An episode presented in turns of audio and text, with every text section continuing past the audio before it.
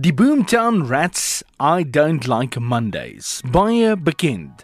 Maar een van die Boomtown Rats se lede, Bob Geldof, is selfs meer bekend as die groep, grootliks as gevolg van Band Aid, 'n organisasie wat in 1984 deur Geldof gestig is om geld in te samel vir hongersnoodverligting in Ethiopië op daai stadium.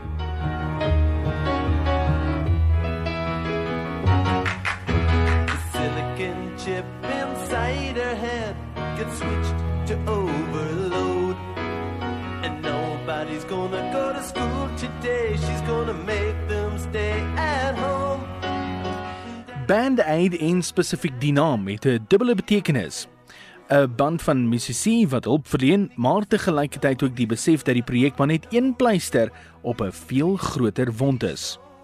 Die oorspronklike Band Aid vind plaas in 1985 met konserte in Londen en Philadelphia op dieselfde tyd.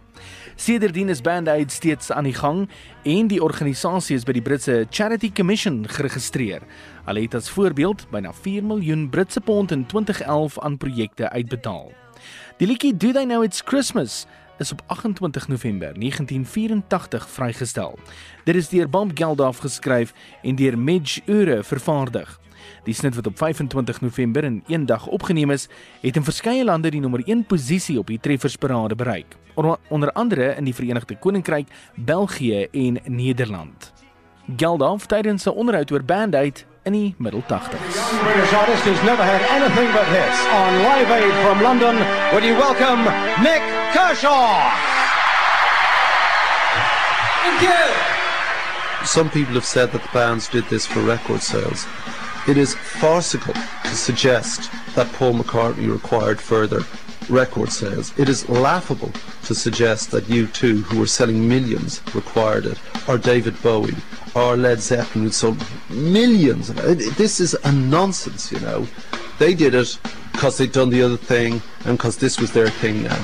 The point about any of these things is if you're going to dedicate yourself and do things, then you have to follow it through. If you posit an argument to a constituency and you say, do you agree with me on this? And they say yes. And then you say, well, if we all agree and we go this way, then we can achieve this thing. Okay, so there is a real, practical and tangible, achievable end to what you're suggesting.